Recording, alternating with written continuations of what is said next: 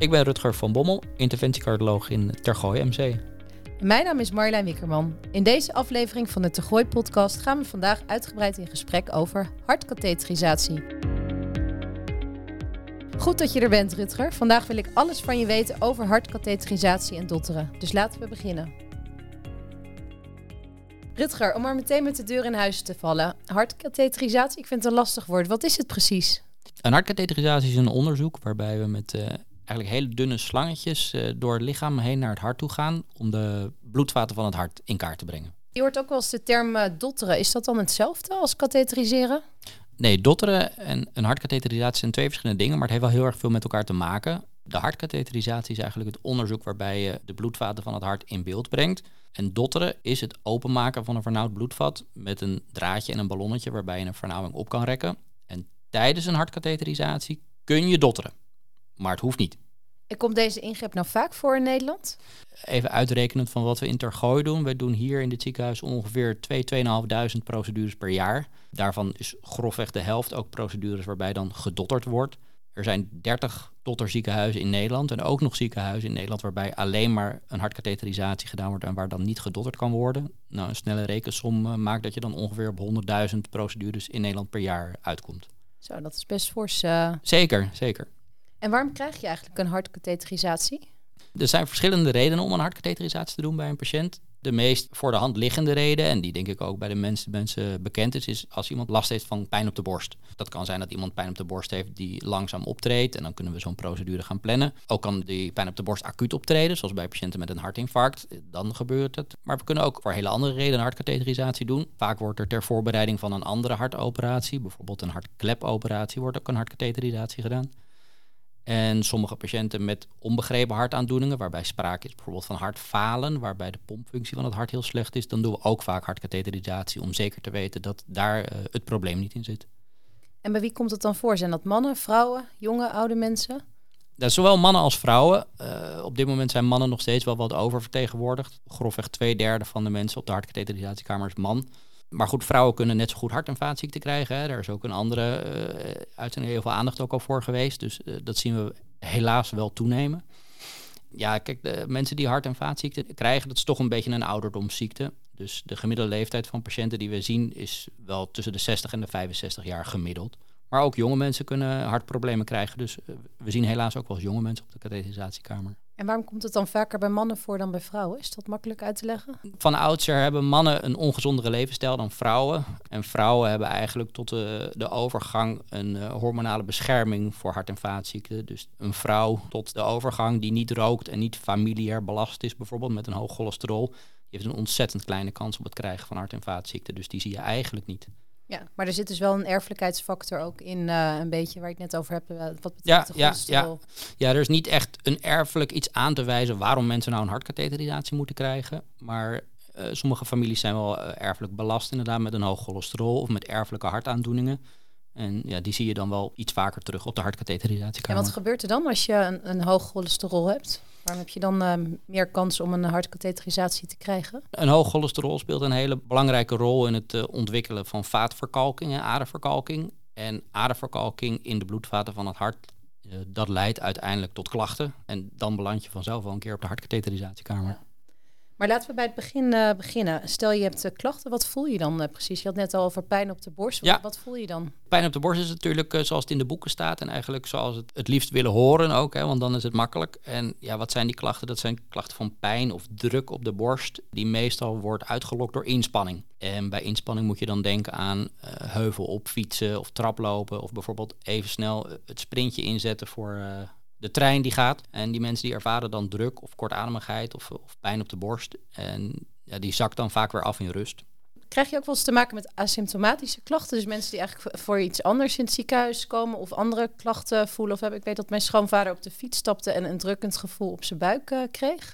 Ja, zoals ik net zei, hè, dat is natuurlijk zoals het in de boekje staat, het klassieke voorbeeld van druk of pijn op de borst. Maar we weten inmiddels dat die klachtenpresentatie die kan heel wisselend zijn. Sommige mensen voelen inderdaad, zoals jij beschrijft, pijn in de bovenbuik. Nou, we hadden het net al over, over mannen en vrouwen en hoe zit het dan met hart- vaatziekten daarbij. Daarvoor is ook steeds meer aandacht en vrouwen ervaren klachten ook vaak anders dan mannen. Dus die komen vaak klachten als een bandgevoel om de borst of misselijk. Maar je hoeft helemaal geen klachten te hebben van pijn of druk op de borst. Sommige mensen die bemerken een voorzichtige achteruitgang in de conditie en hebben nooit druk op de borst en blijken toch ernstige vaatproblemen te hebben.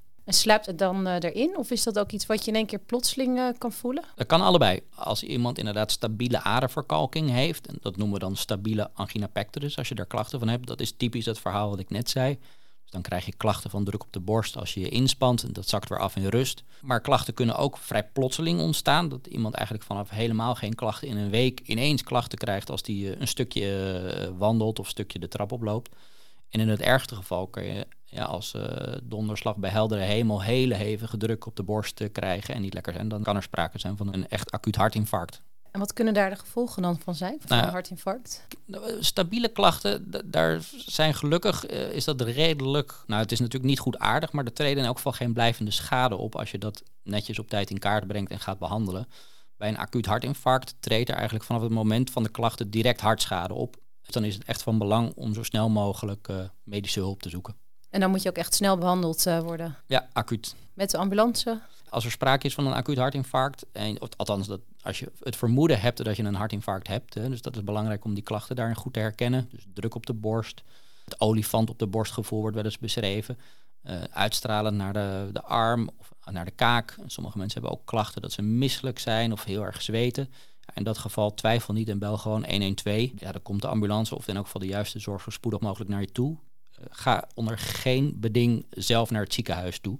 Maar bel gewoon de ambulance, want die is sneller bij jou dan bij het ziekenhuis. En dan start ook al direct de behandeling. En hoe gaat het dan als je die klachten hebt die er ja, min of meer insluipen en waar het langzaam aangaat? Ja, als je merkt dat het inderdaad langzaam optreedt, dan is het van belang om in elk geval een afspraak te maken bij de huisarts om die klachten te bespreken. Uh, de huisarts kan dan al met eenvoudige onderzoeken kijken of er uh, sprake zou kunnen zijn van hartproblemen. En al beginnen met medicatie om uh, ter voorkoming van een hartinfarct en ter verbetering van de klachten. En zal ook zo nodig de patiënt verwijzen naar een cardioloog ter verdere analyse ervan. Ik kan natuurlijk niet gelijk terecht uh, vaak bij mijn huisarts. Misschien eventjes uh, wachten. Mag ik nog wel blijven bewegen of moet ik gewoon op de bank blijven zitten? Dat is een goede vraag. Zolang de klachten zich relatief onschuldig voordoen, zoals ik net zei, hè, dus alleen maar bij heftige inspanning dat die klachten optreden, dan is het niet erg om gewoon nog te blijven bewegen. Sterker nog, bewegen kan ook een gunstig effect erop hebben, dat de klachten juist minder worden. En zo is bewegen gezond en goed. Dus uh, dat kun je dan wel blijven doen. Komen die klachten echter onvoorspelbaar voor, dus dat het zomaar ineens optreedt of bij de geringste inspanning, dan moet je echt een spoedafspraak uh, verzorgen bij de huisarts en tot die tijd liefst rustig aandoen. Ja, stel mijn huisarts die heeft me doorverwezen naar jou of een van jouw collega-cardiologen.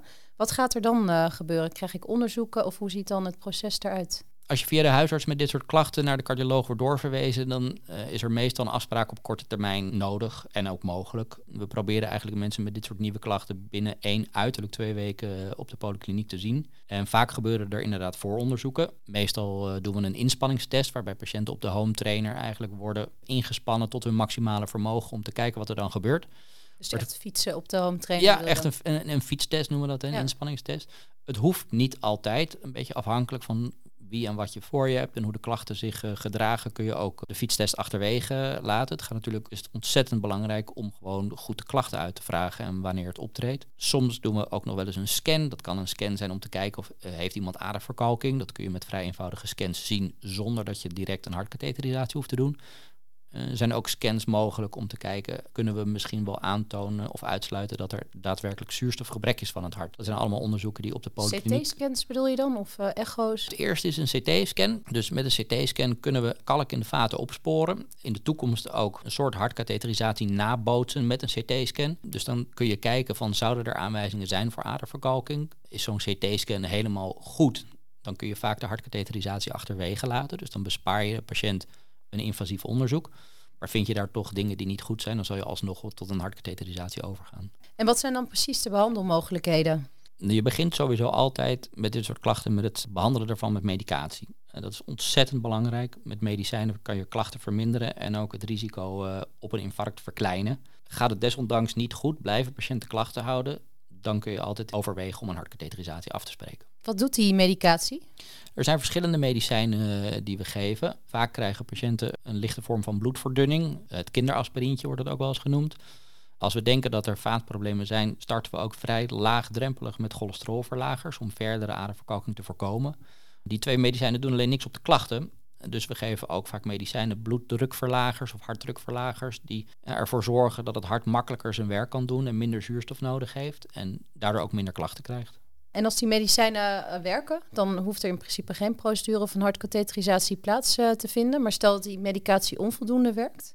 Dat is een heel belangrijk punt wat je aansnijdt. Hè? Want we hebben het alleen maar over hartkatheterisatie. Maar in principe is de behandeling van klachten van pijn op de borst medicamenteus. En inderdaad, zoals je zegt, als je iemand met medicatie klachtenvrij en stabiel krijgt, hoeft er geen hartkatheterisatie gedaan te worden. Hele grote onderzoeken hebben gewoon aangetoond dat medicamenteus beleid tenminste net zo goed is als direct uh, invasief onderzoek doen. En ja, invasief onderzoek, ondanks dat het tot de verbeelding spreekt, hè, je weet meteen wat er aan de hand is. Ja, er zitten ook weer nadelen aan en risico's, gelukkig beperkt. Maar dat betekent dat je dat niet altijd hoeft te doen. Ja, heb je iemand echter ingesteld op medicatie en houdt die klachten, dan zul je er niet aan ontkomen om, uh, om toch een hartkatheterisatie te doen. En kan je daar als patiënt zelf ook in mee uh, beslissen welke behandeling voor jou het beste is? Absoluut. Ik denk dat het heel erg belangrijk is om in elk geval in het bezoek met je cardioloog je, jouw ideeën, je wensen en, en, en je voorkeuren bespreekbaar te maken. Um, er zijn natuurlijk patiënten die eh, heel terughoudend zijn met invasief onderzoek.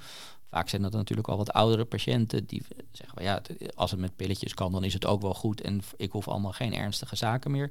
Je hebt ook patiënten die willen eigenlijk van begin af aan meteen alles tot in uh, het diepste detail uitgezocht hebben. En het is uh, ja, een uitdaging van de cardioloog om daar samen op basis van de juiste informatie en het juiste gesprek eigenlijk per individu het juiste behandelplan te vinden. En dat is natuurlijk lastig als je als acute patiënt met heel veel, nou ja, wat, wat je net ook al beschreef, met de ambulance uh, binnenkomt. Kan je daar, daar heb je natuurlijk weinig kans om nog zelf uh, helemaal in detail uh, mee te beslissen. Kan je wat vertellen wat er met je gebeurt als je bij ja. te gooi binnenkomt ja. via de ambulance met heel veel pijn op je borst en nou ja, grote ongerustheid denk ik bij jezelf en ook alle mensen om je heen op dat moment? Ja, uh, goed, er zijn ook nog steeds mensen die bij, als je heel oud bent, dat je bij een acuut hartinfarct alsnog niet naar het ziekenhuis vervoerd willen worden. Dus dat is altijd nog een mogelijkheid, maar dat zijn uh, uitzonderingen. De, de, meeste mensen bellen niet zomaar 112, die, eh, die willen geholpen worden. We hebben het er net al over gehad. Hè. Als je echt de druk op de borst ervaart in rust, die zomaar ineens op komt zetten, je voelt het echt niet goed, zweten, misselijk, soms ook braken hadden we net al besproken, dat is heel belangrijk dat je 112 belt. Eh, de ambulance komt dan heel spoedig en die beginnen daar al met behandelen. En dat begint vaak met het inbrengen van een infuus, het starten van medicatie. En de ambulance maakt dan een hartfilmpje bij de patiënt thuis of, of op het werk waar de patiënt dan ook is. Dat hartfilmpje wordt via een beveiligd systeem naar ons toegestuurd. En zij overleggen dan direct op een mobiel met de dienstdoende interventiecardioloog. Die kan dan de situatie in het hartfilmpje beoordelen. En als er inderdaad sprake is van een acuut infarct, dan wordt er ook direct een hartkatheterisatiekamer vrijgemaakt of vrijgehouden. Zodat de patiënt direct met de ambulance naar het ziekenhuis en naar de katkamer toe kan komen voor de procedure. En hoe ziet zo'n katkamer dan uit? De katheterisatiekamer, de katkamer afgekort? Ja, dus we noemen dat de katkamer. Of geen katten rond. nee, nee, dat is kat met, met, met TH van katheteriseren. Ja, voor iemand die daar niet dagelijks komt, is dat denk ik best wel een indrukwekkende omgeving. Het ziet eruit als een normale operatiekamer met een behandeltafel. Maar er is ontzettend veel eh, technische apparatuur aanwezig met heel veel computerschermen, apparaten. Dus ja, dat is best wel een indrukwekkende omgeving. Een ander groot verschil tussen een, een reguliere operatiekamer en de katheterisatiekamers, wij gebruiken röntgendoorlichting om door de patiënt heen te stralen. Dus behalve de operatietafel is er ook een röntgentoestel aanwezig op de kamer. Waar jullie ook beschermende kleding voor dragen, volgens mij. Ja, ja. ja hè, dus de, ja, we stralen door de patiënt heen, dus die heeft geen beschermende spullen aan. Alleen wij staan de hele dag ja, naast zo'n röntgentoestel. Dus uh, zowel de interventiecardioloog als de rest van het team, die dragen uh, zogeheten loodpakken om te beschermen tegen de röntgenstralen. En wie is de rest van het team dan? Nou, inderdaad, goede vraag. En een hartkatheterisatie doe je niet alleen. Dus uh, het team bestaat uit uiteraard de, de interventiecardioloog die de procedure doet. Uh, meestal zijn we samen met twee of drie gespecialiseerd hartkatheterisatieverpleegkundigen. Eentje daarvan die assisteert de cardioloog aan tafel. Dus die staat steriel naast de dokter om de procedure ja, mee te begeleiden. Dan is er altijd nog een verpleegkundige aanwezig op de kamer om uh, materialen aan te geven of de patiënt gerust te stellen en allerlei zaken daar te regelen. En een derde verpleegkundige die is in een aparte ruimte, de regiekamer aanwezig, ook weer met allemaal computerschermen om daar de patiënt extra in de gaten te houden. En die noteert ook alles wat er gebeurt, zodat er later een, eh, een compleet verslag van de procedure gemaakt kan worden. Dan is het denk ik ook nog wel belangrijk om even toe te lichten dat Tergooi is een opleidingsziekenhuis en wij verzorgen ook de deel van de opleiding voor cardiologen. Dus overdag is er ook heel vaak een cardioloog in opleiding aanwezig. En die doet heel vaak een deel of de volledige procedure afhankelijk van waar die zit in de opleiding onder supervisie van de interventiecardioloog. En als patiënt lig je daar dan op de behandeltafel? Hoe ziet dat er precies uit? Gek genoeg, ondanks dat het een soort operatiekamer is, kan de patiënt daar gewoon in zijn eigen kleren uh, liggen. En ja, zeker als je een acuut hartinfarct hebt, ja, dan word je gewoon vanaf thuis opgehaald en met kleren en al de hartkatheterisatiekamer binnen gereden. Schoenen mogen ook aanblijven. Uiteraard wordt er wel steriel afgedekt. En de rest van de kamer en de, en de aanwezigen die zijn ook allemaal steriel gekleed boven die loodpakken die ze dan aan hebben. En krijg je dan narcose? Nee, er zijn veel gehoorde vragen ook op de poli. Hè, van uh, slaap ik tijdens de procedure of niet? De procedure wordt gewoon onder lokale verdoving uh, gedaan. En wat voel je daar dan van? Het verdovingsprikje voel je even. Dat is hetzelfde als bijvoorbeeld bij de tandarts of als je een keer een, een hechtingje of iets uh, hebt gehad. Daarna is de procedure eigenlijk gevoelloos. In een enkel geval voelen mensen soms wel eens iets geks bewegen door de vaten heen. En in een heel enkel geval is het wel ietsje gevoelig als bijvoorbeeld de vaten, die slangetjes, daar komen we zo nog misschien even over te spreken. Maar ja, die vinden het niet leuk soms dat het er langs gaat en die gaan dan een beetje samentrekken, krampjes uh, veroorzaken. En dat kan wel gevoelig zijn. Dat gebeurt gelukkig zelden en is ook vaak met extra medicijnen die we dan geven goed te verhelpen. Ik kan me voorstellen dat het best wel spannend is voor patiënten als je daar bij bewustzijn uh, ja. merkt dat je net een hartinfarct hebt gehad, wat ook echt wel heel angst, beangstigend uh, kan zijn in veel gevallen. Hoe zorg je dat je die patiënten op hun gemak stelt en dat ze ja, zich kunnen ontspannen tijdens een procedure? Ook dat is een, een, een veelgehoorde vraag. Ik, ik zeg wel eens dat 80% van ons werk is eigenlijk ervoor zorgen dat je met die patiënt veilig de procedure doorkomt. En, en 20% is echt het technische handelen. En wat je beschrijft hebben we natuurlijk mensen die voor een geplande procedure komen. En ja, die zijn klachtenvrij. En dan doe je het onderzoek gepland en op een rustig moment. Je kunt je echter ook voorstellen dat als je om drie uur s'nachts met een acuut hartinfarct uh, op de katheterisatiekamer binnengebracht wordt. Ja, dan, je bent oncomfortabel, je hebt pijn, je hebt angst, angst om dood te gaan, uh, angst dat er iets misgaat. En dan is het ontzettend belangrijk dat je als interventiecardioloog, maar als heel team uh, eigenlijk ervoor zorgt dat je die patiënt zoveel mogelijk gerust stelt en probeert rustig en comfortabel te krijgen. Want de patiënt niet rustig en comfortabel is, dan is de procedure ook ja, lastiger, minder veilig om te doen. Dus je moet dat echt met elkaar proberen zo goed mogelijk op te lossen. En hoe doe je dat? Uh, zoveel mogelijk proberen toch die patiënt gerust te stellen. Daarvoor is dus ook dat hele team aanwezig. Hè. Ja, vaak als er een acuut probleem is, dan ben je als interventiecardioloog, kan je wel zoveel mogelijk patiënt gerust te stellen, maar je moet ook snel handelen en acuut wat doen. Dus je moet ook op een gegeven moment wel aan het werk. Maar daarom zijn we met het hele team aanwezig en er is altijd een verpleegkundige die bij de patiënt kan blijven, de patiënt gerust kan stellen. Meestal gaat het wel heel erg goed. En hoe gaat dan die procedure verder? Stel dat uh, de patiënt rustig is en de behandeling uh, gaat beginnen. Hoe start je de behandeling? Een procedure start eigenlijk zoals elke operatieve procedure. Dus als de patiënt klaar ligt en het hele team is aanwezig, dan doen we eerst uh, een top, noemen we dat, een time-out procedure. Waarbij nogmaals de patiëntgegevens worden doorgenomen, de procedureplannen, et cetera. Om ja, gewoon voor de veiligheid zoveel mogelijk verwisselingen of problemen te voorkomen. En dat ook iedereen op dat moment aanwezig bij de procedure weet wat we gaan doen. De vervolgstap is dat we een verdovingsprikje geven en ja, een soort infuus inbrengen in de slagader. We noemen dat een sheet. En via die sheet, hè, via dat infuus, kunnen we dus de katheters, die slangetjes, naar binnen brengen. En waar gaat hij dan naar binnen, die sheet? Tegenwoordig doen we eigenlijk meer dan 95% van de procedure allemaal via de slagader in de pols. Um, dat is meestal de rechterpols.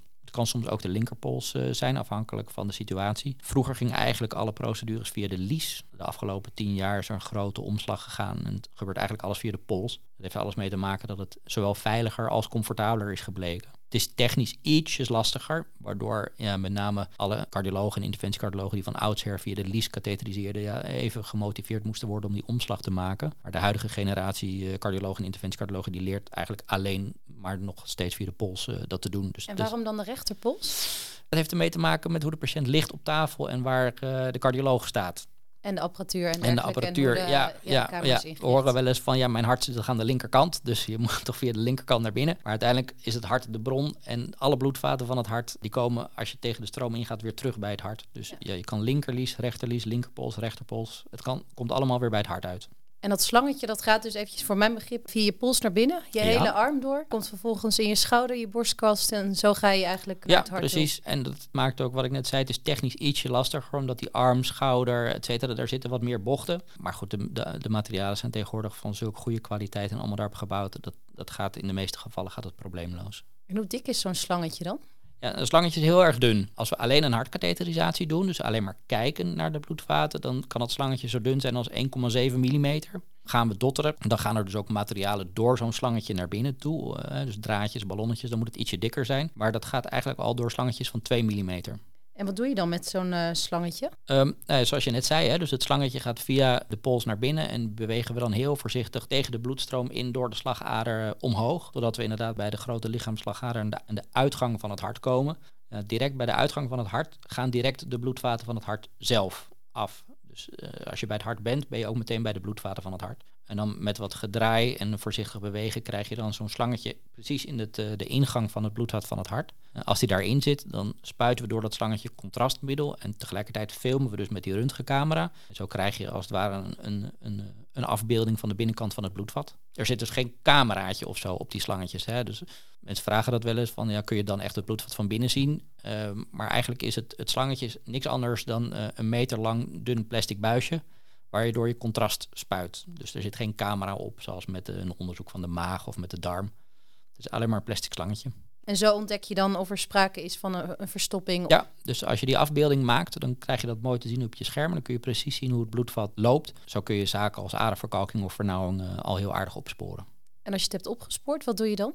Dat hangt heel erg af van de situatie. En natuurlijk als iemand een acuut hartinfarct heeft, moet je direct handelen. Dus dan uh, zullen we direct overgaan tot dotteren. Vinden we uh, bij een patiënt die voor geplande procedure bijvoorbeeld komt, vanwege de eerder genoemde stabiele klachten, als die één of twee eenvoudig op te lossen problemen heeft, zullen we dat ook vaak direct verhelpen. Dus dotteren. Het kan ook zijn dat er bijvoorbeeld in alle vaten van het hart, het hart heeft drie bloedvaten, als er overal afwijkingen zitten of hele complexe afwijkingen, nou, dan is de afspraak dat we dat niet direct oplossen, maar dat we dan de procedure staken en die gegevens en de beelden van de hartkatheterisatie en alles uh, met elkaar bespreken in een zogeheten hartteam. Hartteam is een, uh, een team van specialisten. Er zitten hartchirurgen in, interventiecardiologen, andere cardiologen. Om dan eigenlijk samen op basis van de dan beschikbare gegevens een zo goed mogelijk behandelplan te genereren. Eh, dat kan alsnog zijn dat er dan gedotterd moet worden, hè, dat er dan in meerdere vaten gedotterd kan worden. Maar in enkele gevallen is bijvoorbeeld een, een bypassoperatie noodzakelijk. Maar nog eventjes terug naar de procedure. Stel dat mhm. je wel een patiënt al gelijk kan helpen. Hoe doe je dat dan? Uh? Hij gaat eigenlijk dus via dezelfde procedure. Hè. Dus als we alleen aan het kijken zijn, ja, dan hebben we een wat relatief dunner slangetje. Ja, vind je dan een probleem, dan moet je dat even wisselen voor een wat breder slangetje. Maar goed, dat scheelt maar 0,3 mm. Dan gaat natuurlijk altijd in overleg met de patiënt. Je kan direct laten zien wat er gevonden is en wat het behandelplan is. En als je er dan samen mee eens bent om dat direct op te lossen, dan, dan gaan we dat dus dotteren. En hoe doe je dat dan? Dan gaat er via dat slangetje wat we hebben ingebracht, kan je ook materialen naar binnen schuiven. En dan gaat er een heel dun metalen draadje naar binnen. Metaal klinkt eng, maar dat is een heel zacht voorkantje. Dat eigenlijk zodra je dat ergens mee in aanraking komt, dan buigt dat om. Dus je, dat is heel, heel veilig om dat in te brengen. En dat draadje breng je in het bloedvat en dan langs de vernauwing. En als een soort rails. En over die rails kun je dan allerlei materialen het bloedvat inbrengen. En denk daarbij aan ballonnetjes om het op te rekken. Of een stent om het uh, te openen. En een stent is een metalen hulsje of zo? Of hoe moet ik dat voorstellen? Ja, het belangrijkste is inderdaad om. We houden nu die termen een klein beetje door elkaar, maar het is wel handig om het nog eventjes te verduidelijken. We hebben het over dotteren en over stents. Dotteren is eigenlijk de techniek waarbij met een draadje en een ballonnetje een bloedvat opgerekt wordt. En ik denk dat wij het enige land zijn waar dat dotteren heet. Maar het eerste die dat heeft ontdekt is dokter Dotter. Daar is het naar vernoemd. Een uh, Nederlandse dokter Dotter? Nee, is geen Nederlandse dokter. Alleen ja, in het Engels noemen ze dan niet dotteren uh, of iets. Dus dat is de techniek zoals het bestond. En dat was ja, toen natuurlijk revolutionair en uh, dat bracht ontzettend veel. Alleen wat je zag is dat als je dat met een ballonnetje zo'n bloedvat had opgerekt, dat het relatief snel weer dichtgroeide. Om dat dan maar beter te gaan krijgen, zijn uiteindelijk stents ontwikkeld. En ja, dat bleek uiteindelijk zoveel beter te zijn. In die tijd dat er dus gedotterd wordt, en dat is al meer dan 40, 45 jaar, eigenlijk stents zijn ontwikkeld en die zijn nu niet meer uh, weg te denken. Maar dat is eigenlijk een stukje van een rietje of zo wat je dan inplaatst? Of ja, ik, ik, leg het aan patiënten altijd uit, een beetje als het veertje wat in de voorkant van een balpen uh, zit. Oh, Die orde van grootte is het ook. Maar we zijn dus de termen dotteren en stentplaatsing eigenlijk een beetje door elkaar gaan gebruiken. Maar als we het hebben over dotteren, wordt er in 99% van de gevallen altijd een stent ook geplaatst. Hoe lang duurt nou zo'n uh, hartkatheterisatie en zo'n procedure van het plaatsen van een stent? Hoe lang ben je dan bezig met een uh, patiënt? Nou, een heel groot deel van de tijd zit hem in de voorbereiding. Dus zo'n patiënt ontvangen op de hartkatheterisatiekamer, rustig neerleggen op de behandeltafel, aansluiten op alle apparatuur, netjes steriel afdekken, zorgen dat alle apparatuur klaar is. Dat kost al ongeveer een kwartier, denk ik. Vanaf het moment dat de pols verdoofd is en het verrichten van alleen een hartkatheterisatie, dat kan met vijf minuten dan gedaan zijn. Is er inderdaad sprake van bijvoorbeeld een vernauwing die gedotterd moet worden of iets, dan wordt de procedure langer. Dan moet je ongeveer rekenen op een half uurtje. Maar soms moeten er meerdere bloedvaten gedotterd worden. Of kom je met hele complexe afwijkingen uh, in aanraking, waardoor ja, ook meer complexe behandelingen nodig zijn. Dan kan een procedure ook zomaar langer dan een uur duren. Het lijkt toch best nog wel spannend dat je met een slangetje naar iemands hart gaat door al je vaten heen. Ik kan me voorstellen dat er ook risico's aan verbonden zijn. Ja, aan, alle behandelingen zijn risico's verbonden. En zeker natuurlijk inwendig onderzoek waarbij naar het hart gaat. Het enige is, die technieken die zijn de afgelopen jaren zo vreselijk veel uh, verbeterd en verfijnd, dat het, risico bij een hartkatheterisatie zelf, dat er iets misgaat, is ontzettend klein. Dan moet je denken aan zeker kleiner dan 1% op ernstige gevolgen. Ga je echter dotteren en dus het bloedvat ook in met materialen, dan wordt natuurlijk het risico ook groter. Uh, want dan ga je behalve kijken, ga je ook iets doen. Maar gelukkig zijn nog steeds de risico's heel beperkt. Maar zijn er inderdaad hele complexe afwijkingen. Denk daarbij aan een heel sterk verkalkte bloedvaten of bloedvaten die chronisch afgesloten zijn, waarbij je eigenlijk met best wel wat ingrijpende maatregelen moet proberen dat weer open te krijgen, eh, dan, dan nemen ook de risico's toe. Dus als ik het goed begrijp, is een hartkatheterisatie in eerste instantie gewoon dat je gaat kijken naar de bloedvaten in iemands eh, hart om te ontdekken of daar uh, verstoppingen of verkalkingen zijn op het moment dat je denkt en ziet dat het verholpen kan worden, dan gaan jullie ook tot behandeling over met een uh, stent of het oprekken van een ader. Klopt dat zo? Is dat Ik had het niet beter kunnen beschrijven. en na zo'n behandeling, wat gebeurt er dan met je als patiënt? Kan je gelijk weer alles? Hoe ziet dat hersteltraject eruit? Ja, dat, dat verschilt natuurlijk ook weer vanwege de reden waarom de hartkatheterisatie gebeurt. Als de hartkatheterisatie een geplande procedure is, dus iemand die via polyklinisch wordt aangemeld met klachten, ja, dan in principe als het buisje uit de pols verwijderd is, dan gaat daar een soort strak drukverbandje omheen. Want het buisje zat in de slagader en dat heeft een aantal uren nodig om weer even te genezen. In principe, als dat gaatje genezen is en de patiënt voelt zich goed, kun je dezelfde dag nog het ziekenhuis verlaten, ook als er gedotterd is. Maar ja, sommige mensen, zoals we net al hadden benoemd, ja, die komen acuut binnen met de ambulance en die hebben een ernstig hartinfarct. Ja, die worden opgenomen op de hartbewaking. Die moeten zeker nog een aantal dagen blijven. Dus het verschilt een beetje van de reden waarom de procedure gedaan wordt. En na zo'n uh, procedure, als je weer het ziekenhuis uit bent, kan je dan gelijk weer alles? Kan je weer sporten? Kan je weer fietsen, wandelen, ja. traplopen? Ja, ja, ja, ja. Dus het grootste manco zit hem eigenlijk nog steeds in die pols. Dus we, we adviseren mensen altijd om een, een, aantal dagen, een kleine week, uh, met name de pols waarvia we gecatheteriseerd hebben, om die rust te gunnen. Maar is de procedure gepland ge gedaan uh, en zijn er geen problemen geweest, dan kan je eigenlijk de dag erna meteen alles doen wat je wil. Anders is dat natuurlijk voor mensen die met een hartinfarct binnenkomen we proberen het zo snel mogelijk te verhelpen. En dan valt gelukkig vaak de schade heel erg mee. Maar zeker als het infarct toch groter blijkt te zijn en er veel schade is, dan is er een heel nazorgtraject ook weer daarvoor aangeboden. Dat sowieso krijgen alle patiënten met een hartinfarct dat. Maar dan is het niet zo eenvoudig om dan weer direct het leven op te pakken. Uh, als er veel hartschade is, dan krijg je te kampen ook met uh, conditionele achteruitgang en dat soort zaken. Ja, en ik kan me voorstellen dat je ook echt wel ja, eh, emotioneel een klap hebt gehad. Ja. En dat je ook wel weer een beetje vertrouwen moet krijgen ja. in je lichaam. Zeker. Wat ik net benoemde is natuurlijk alleen maar het lichamelijke aspect, maar het psychische aspect is ook ontzettend belangrijk. A, natuurlijk wat je hebt meegemaakt zelf, laat natuurlijk zijn sporen na. En het vertrouwen is heel belangrijk, wat je zegt. Vertrouwen krijg je weer in je lichaam, vertrouwen in dat, dat je dingen kan doen. Nou, daarvoor is er een, een heel belangrijk en een heel uitgebreid nazorgtraject, eigenlijk wereldwijd in Nederland en ook in Tergooi. Dat noemen we hartrevalidatie. Dat is eigenlijk een nazorg na zo'n opname waarbij een heel team van allerlei uh, specialisten, en dat kunnen dokters zijn, verpleegkundigen, fysiotherapeuten, noem maar op, uh, klaarstaan om zo'n patiënt bij te staan en te begeleiden in wat na wat gebeurt er na een hartinfarct? Ja, wat mooi dat we dat zijn uh, Tergooi ook bieden aan onze patiënten. Een heel team die zowel uh, psychisch, maar ook uh, qua fysiotherapie en alles kan begeleiden je, in het traject erna. Dat beslaat eigenlijk alles wat er op zo'n patiënt afkomt. Dus niet alleen de fysieke en de psychische ongemakken, maar maatschappelijke problemen. We kunnen patiënten aanbieden om te helpen stoppen met roken of hun levensstijl te verbeteren. Goed. Voorkomen is natuurlijk veel beter dan uh, genezen. Ook jij als cardioloog wil natuurlijk liever niet dat er uh, patiënten op jouw behandeltafel terechtkomen. Hoe kan je nou voorkomen dat je gecatheteriseerd moet worden? Nou ja, helemaal voorkomen kun je helaas niet. Maar je kan zeker wel een belangrijke bijdrage inleveren om de kans op het ontwikkelen van hart- en vaatziekten en dus op het uiteindelijk be uh, belanden op een katheterisatiekamer voorkomen. En het belangrijkste daarbij is echt, denk ik, de gezonde levensstijl. Denk daarbij aan, let op het gewicht, beweeg voldoende absoluut niet roken. Of als je rookt, probeer te stoppen met roken. Zoek daarbij hulp. Vraag de huisarts. Die hebben stoppen met roken programma's. Daarnaast zijn er ook nog andere dingen die een rol spelen in het ontwikkelen van hart- en vaatziekten. Zaken als hoge bloeddruk, hoog cholesterol hebben we het al eventjes over gehad. Diabetes. En eigenlijk is het zo dat ja, hoe beter die aandoeningen behandeld worden, dus hoe beter de bloeddruk behandeld wordt, hoe netter de suikers geregeld zijn, hoe lager de kans op het uiteindelijk ontwikkelen van hart- en vaatziekten. En om te voorkomen dus dat die aders dicht slippen. Ja. Dat is eigenlijk ja. uh, wat je doet als je rookt, toch? Ja, roken is echt denk ik wel de belangrijkste risicofactor van deze in het ontwikkelen van hart- en vaatziekten. Dus begin er niet mee. Zeker uh, mensen die al een keer in de problemen zijn gekomen Ja, daar is het belang van roken stoppen ja, ontzettend belangrijk. Ik had vroeger een, een opleider die zei, ja, een beetje stigmatiseren natuurlijk, dat het stoppen met roken eigenlijk net zoveel doet als het slikken van alle pillen bij elkaar. Dus daar is ontzettend veel winst in te halen. Het lijkt me ook leuk om wat uh, meer over jou persoonlijk uh, te, te weten te komen, Rutger. Mm -hmm. Het lijkt me echt best dat je heftige dingen meemaakt uh, op de behandeltafel. En ook ja, mensen in op het meest kwetsbare moment in hun leven eigenlijk voor je ziet. Hoe ga je daarmee om? Je maakt natuurlijk zeker wel wat mee. Hè? Ik zeg wel eens ook van, we werken niet in de nagelstudio. Er gebeuren echt serieuze zaken. Gelukkig gaat tijdens geplande procedures zoals we het net hebben, gaat, eigenlijk gaat er nooit iets fout. Dat zijn hele veilige procedures.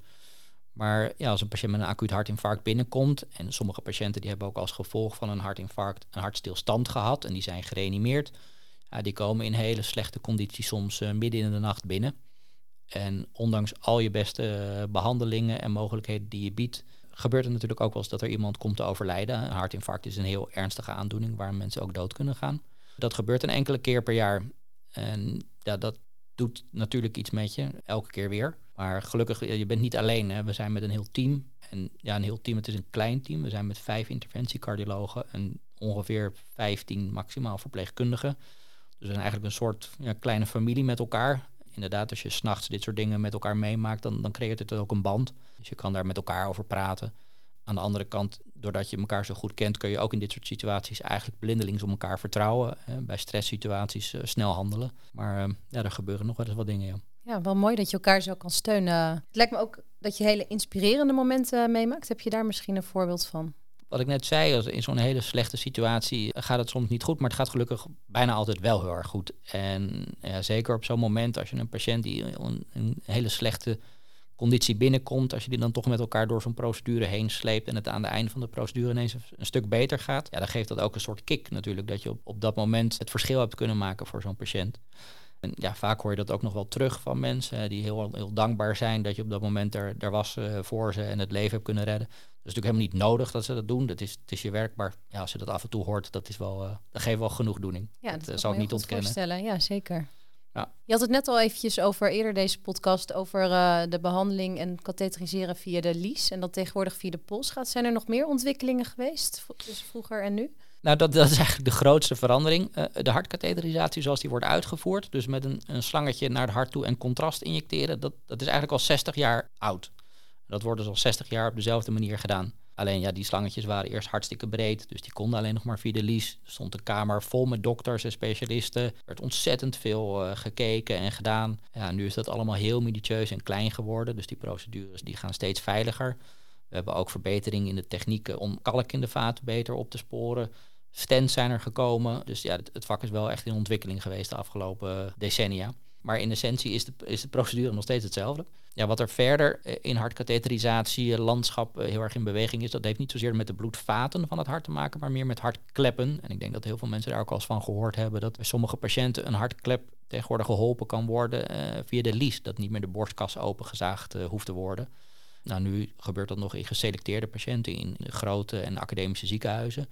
Maar je zal zien dat dat in de komende 10, 20 jaar eigenlijk steeds breder uh, zal worden ingezet. En uiteindelijk, net zoals we hebben gezien met Dotteren, wat eerst ook alleen maar in academische ziekenhuizen gebeurde, dat dat ook mogelijk zal worden in, uh, in grotere streekziekenhuizen zoals Tergooi. Dat is iets waar ik persoonlijk ontzettend naar uitkijk om, als die mogelijkheid zich aandoet, om dat hier in Tergooi op te gaan zetten en daarin verder te specialiseren. Ja, mooi. En wat maakt dit voor werk verder voor jou zo leuk? Ik vind de cardiologie zelf gewoon een ontzettend leuk vak. Het heeft een beetje de combinatie van de interne geneeskunde en, en de chirurgie samen. Hè. Dus zowel beschouwend als, uh, ja, als chirurgisch. In de interventiecardiologie is dat, dat hands-on uh, natuurlijk nog meer aanwezig. Dus je bent eigenlijk meer met je handen bezig de hele tijd. De acute zorg heeft me altijd getrokken. Dus waar je echt verschil kan maken. Patiënten die acuut zorg nodig hebben, stressvolle situaties. Daar gedij ik goed in. Dus dat vind ik heel erg leuk om te doen. Maar goed, je zult ook moeten accepteren in die gevallen dat het dus soms niet lukt. En dat is voor sommige mensen is dat, is dat heel lastig. Dan is de cardiologie en zeker de interventiecardiologie niet het juiste vak. Nee. Maar goed, dat is ja, leven en dood en het technische. We hebben het net erover gehad. In principe als we bezig zijn met een patiënt die is bij bewustzijn, die ligt daar gewoon rustig op tafel. Nou, bij zo'n infarct dan ben je ja, alleen maar bezig om die procedure veilig en de patiënt op zijn gemak te krijgen, om dat rustig door te komen. Maar bij sommige geplande procedures, daar ligt de patiënt heel comfortabel op tafel. En dan kun je ook nog gewoon hele gezellige gesprekken met elkaar voeren. Dus het is ook nog een heel sociaal uh, ja. gebeuren. ja. hobby's en zo. Ja, komt gewoon voor hoor. Dat, dat kan gewoon. En wat doe je naast uh, het uh, katheteriseren nog meer en het totteren? Nou, ik ben ook algemeen cardioloog. Dus een interventiecardioloog is een algemeen cardioloog die nog een, een extra specialisatie heeft gedaan voor interventiecardiologie. Dat betekent dat ongeveer de helft van mijn werkzaamheden in Tergooi breng ik door op de hartkatheterisatiekamer en de andere helft aan andere werkzaamheden. Denk daarbij aan uh, polyklinische zorg, maar ook supervisie van de hartbewaking of de verpleegafdeling. En zo ik al eerder gezegd heb, we zijn een opleidingsziekenhuis. Dus uh, ook een deel van de tijd besteed je aan opleiding van cardiologen die uh, in opleiding zijn voor cardioloog of interventiecardioloog. Rutger, we zijn aan het einde gekomen van dit interview. Heb je misschien voor onze luisteraars nog een allerlaatste harttip nou ja, zoals net ook al gezegd, hè, wat, je kan voorkomen is beter dan genezen, maar helemaal voorkomen kan je niet. Maar wat kun je zelf doen? Ja, dat, dat is toch probeer zo gezond mogelijk te leven. En dat betekent niet uh, dat iedereen nou elke dag in de sportschool moet zitten en alleen maar groentesapjes moet drinken. Maar inderdaad, let gewoon op je gewicht, dat je een gezond gewicht hebt. Probeer voldoende te bewegen. Probeer niet te roken of te stoppen met roken.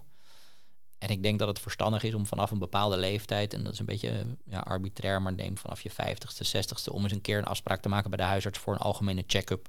Super. Dankjewel Rutger voor al je antwoorden en alle Graag inzichten gedaan. die ik vandaag heb opgedaan. Ja, en ook bedankt voor de mogelijkheid om het uh, hier te mogen bespreken met jou. Bedankt voor het luisteren naar deze aflevering van de Tergooi podcast. Luister ook naar de andere interviews van de artsen van Tergooi MC. Laat een review achter op Spotify, Apple Podcast of een ander luisterplatform. Meer weten over de Tegooi podcast? Ga dan naar tegooi.nl/podcast. Tot de volgende keer.